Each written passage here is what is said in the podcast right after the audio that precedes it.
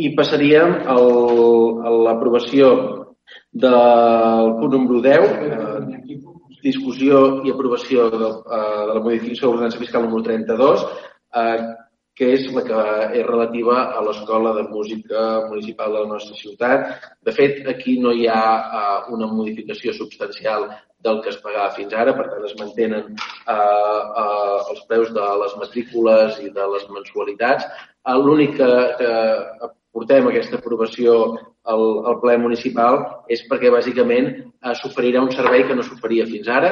Uh, L'Escola de Música de Manlleu només s'adreçava a, a la gent en edat escolar a, fins als 18 anys i el que es proposa a partir del curs 2020-2021 és que també s'oferiran classes d'instruments a gent adulta. Per tant, com que no hi havia una ordenança que, que estipulés el preu de les classes a, a gent adulta, és el que portem a aprovació al ple d'avui.